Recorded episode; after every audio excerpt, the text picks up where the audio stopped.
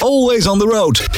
Traffic Radio. En bij mij te gast in de studio Anne Lobbes van Hyundai. Anne, van harte welkom. Dank je Daan. Goedemiddag. Ja, goedemiddag. Hoe gaat ie? Ja, hartstikke goed. Ja, Ik heb veel mooi fijn. nieuws meegenomen. Ja, zeker. Want ik moet beginnen met een felicitatie, denk ik. Jullie Ja. hebben namelijk met de Hyundai Tucson de verkiezing van de ANWB trekauto van het jaar 2021 gewonnen. Ja, hoe leuk is dat hè? In een tijd Ja. waarin mensen eigenlijk ehm, voor het reizen veel meer van de caravan gebruik maken.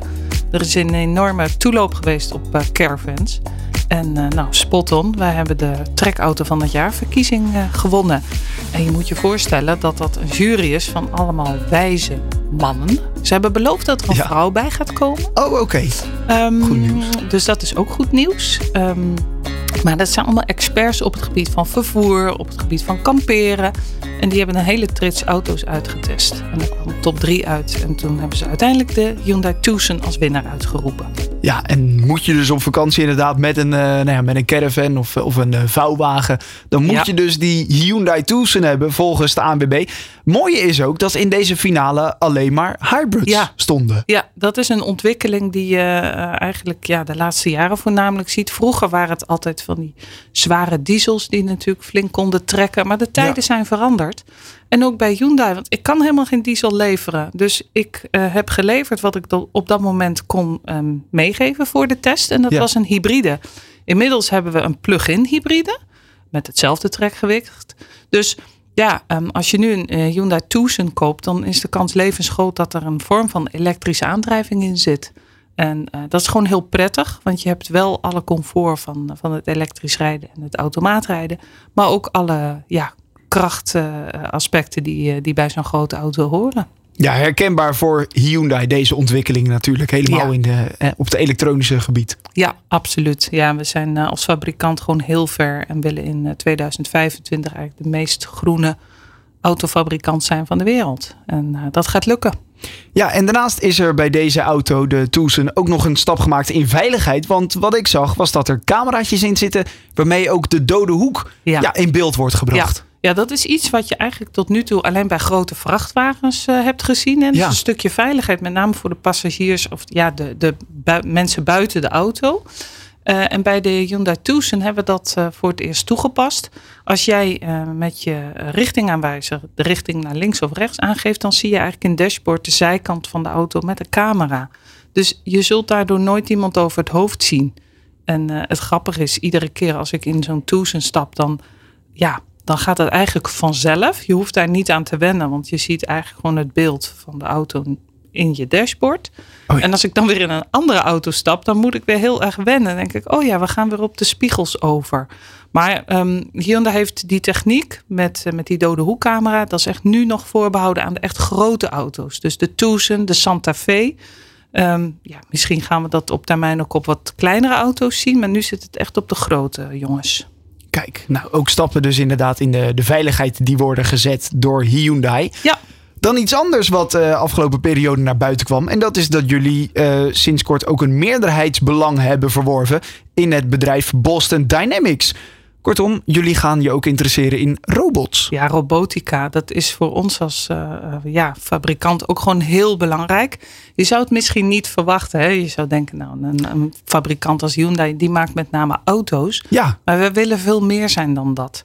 En als je naar robotica kijkt, met name Boston Dynamics, die zijn heel ver in eh, die technieken. En ja, voor ons is het belang heel groot, omdat we die techniek ook naar de auto's willen gaan brengen. Als je nu kijkt naar de auto's die we hebben, dan zie je dat we op het gebied van autonoom rijden heel ver zijn. Ik ben nu met mijn Kona Electric hier naartoe gekomen.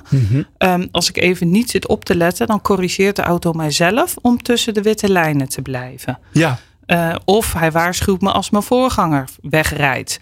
Dus dat zijn allemaal van die technieken die je eigenlijk helpen om gewoon bij de les te blijven.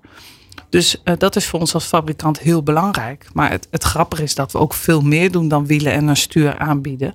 Eh, want onbemande voertuigen is voor ons ook heel belangrijk. Ehm, wij zijn heel erg ver met het ontwikkelen van eh, ja, voertuigen die bij hulpdiensten ingezet kunnen worden.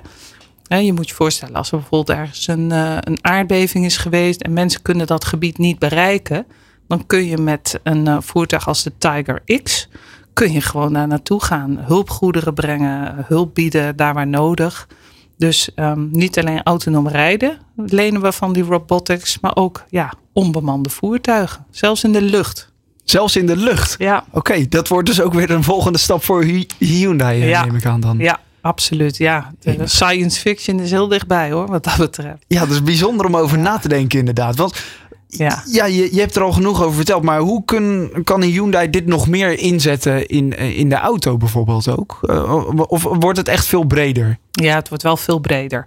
Wat ik al eh, zei net, hè, uh, die, die robots die functioneren allemaal op afstand. Die hebben sensoren, technologie, uh, waardoor ze autonoom kunnen functioneren. Nou, dat kun je ook in auto's toepassen.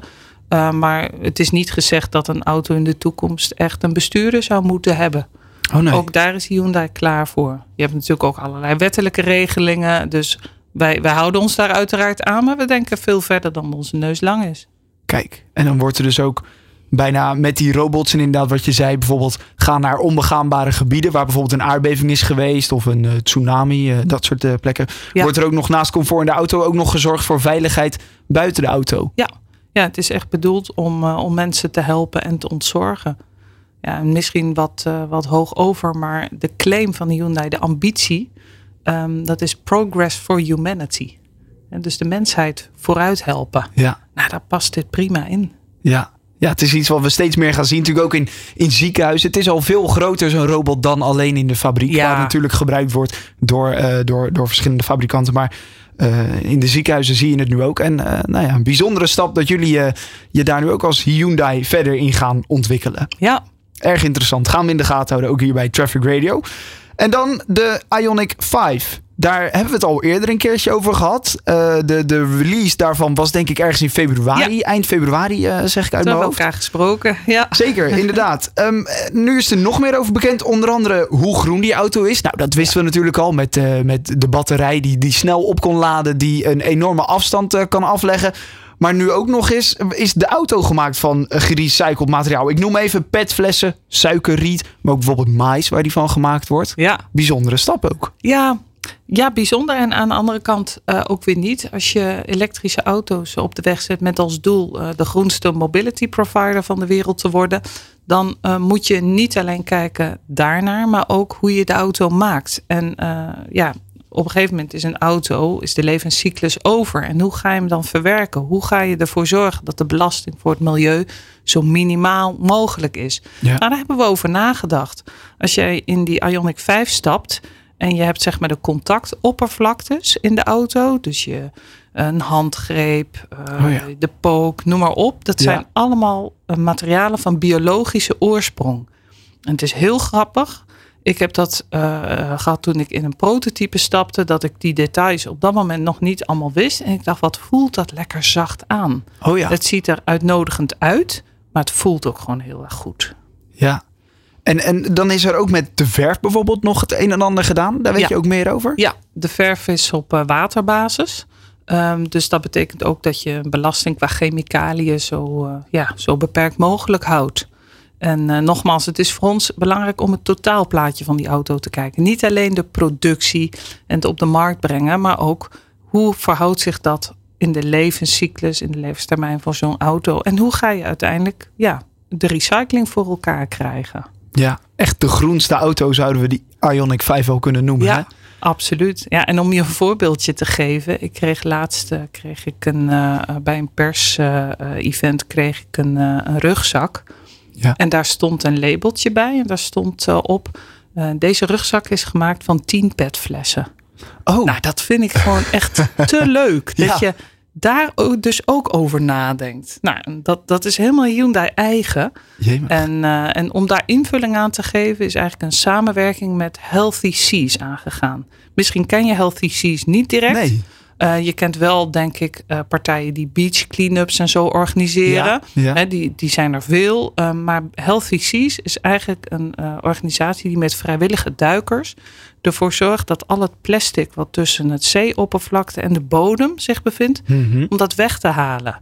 En ze doen echt van die acties, hebben ook eigen boten hier in IJmuiden en Katwijk. Mhm. En ze gaan gewoon de zee op, ze gaan duiken en ze gaan ook dieren bevrijden die vastzitten in visnetten. Nou, dus al die materialen halen ze ook naar boven. Want het heeft niet veel zin om te kijken en het te laten liggen. Ze nemen dat mee. Ja. En die materialen die willen wij ook weer verwerken in auto's. Dus ik hoorde vanochtend van een collega die zei: ja, als je straks in een Ionic 5 zou stappen, uh, dan zit er een vloermat in, die is van visnetten gemaakt.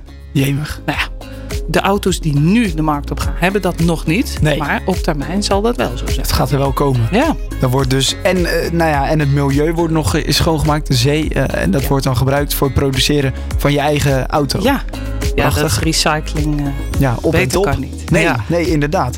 Ehm, eind februari dus, toen werd die Ionic 5 ehm, ge- gepubliceerd. Mhm. Ehm, toen zei jij dat hij ergens deze zomer zo ongeveer eh, de showroom eh, uit zou Ja. rijden. Heb je daar Ja. iets meer duidelijkheid over? Daar of rijdt hij inmiddels al Daar heb ik weg? inmiddels duidelijkheid over. Want de auto's is in de showroom eh, geland. Oké, Dus eh daar kan een proefrit gemaakt worden. kijk, en dan kan je hem daarna kopen bij eh, de dichtstbijzijnde Hyundai dealer. Ja, dat gaan we niet tegenhouden. Van harte Nee. welkom.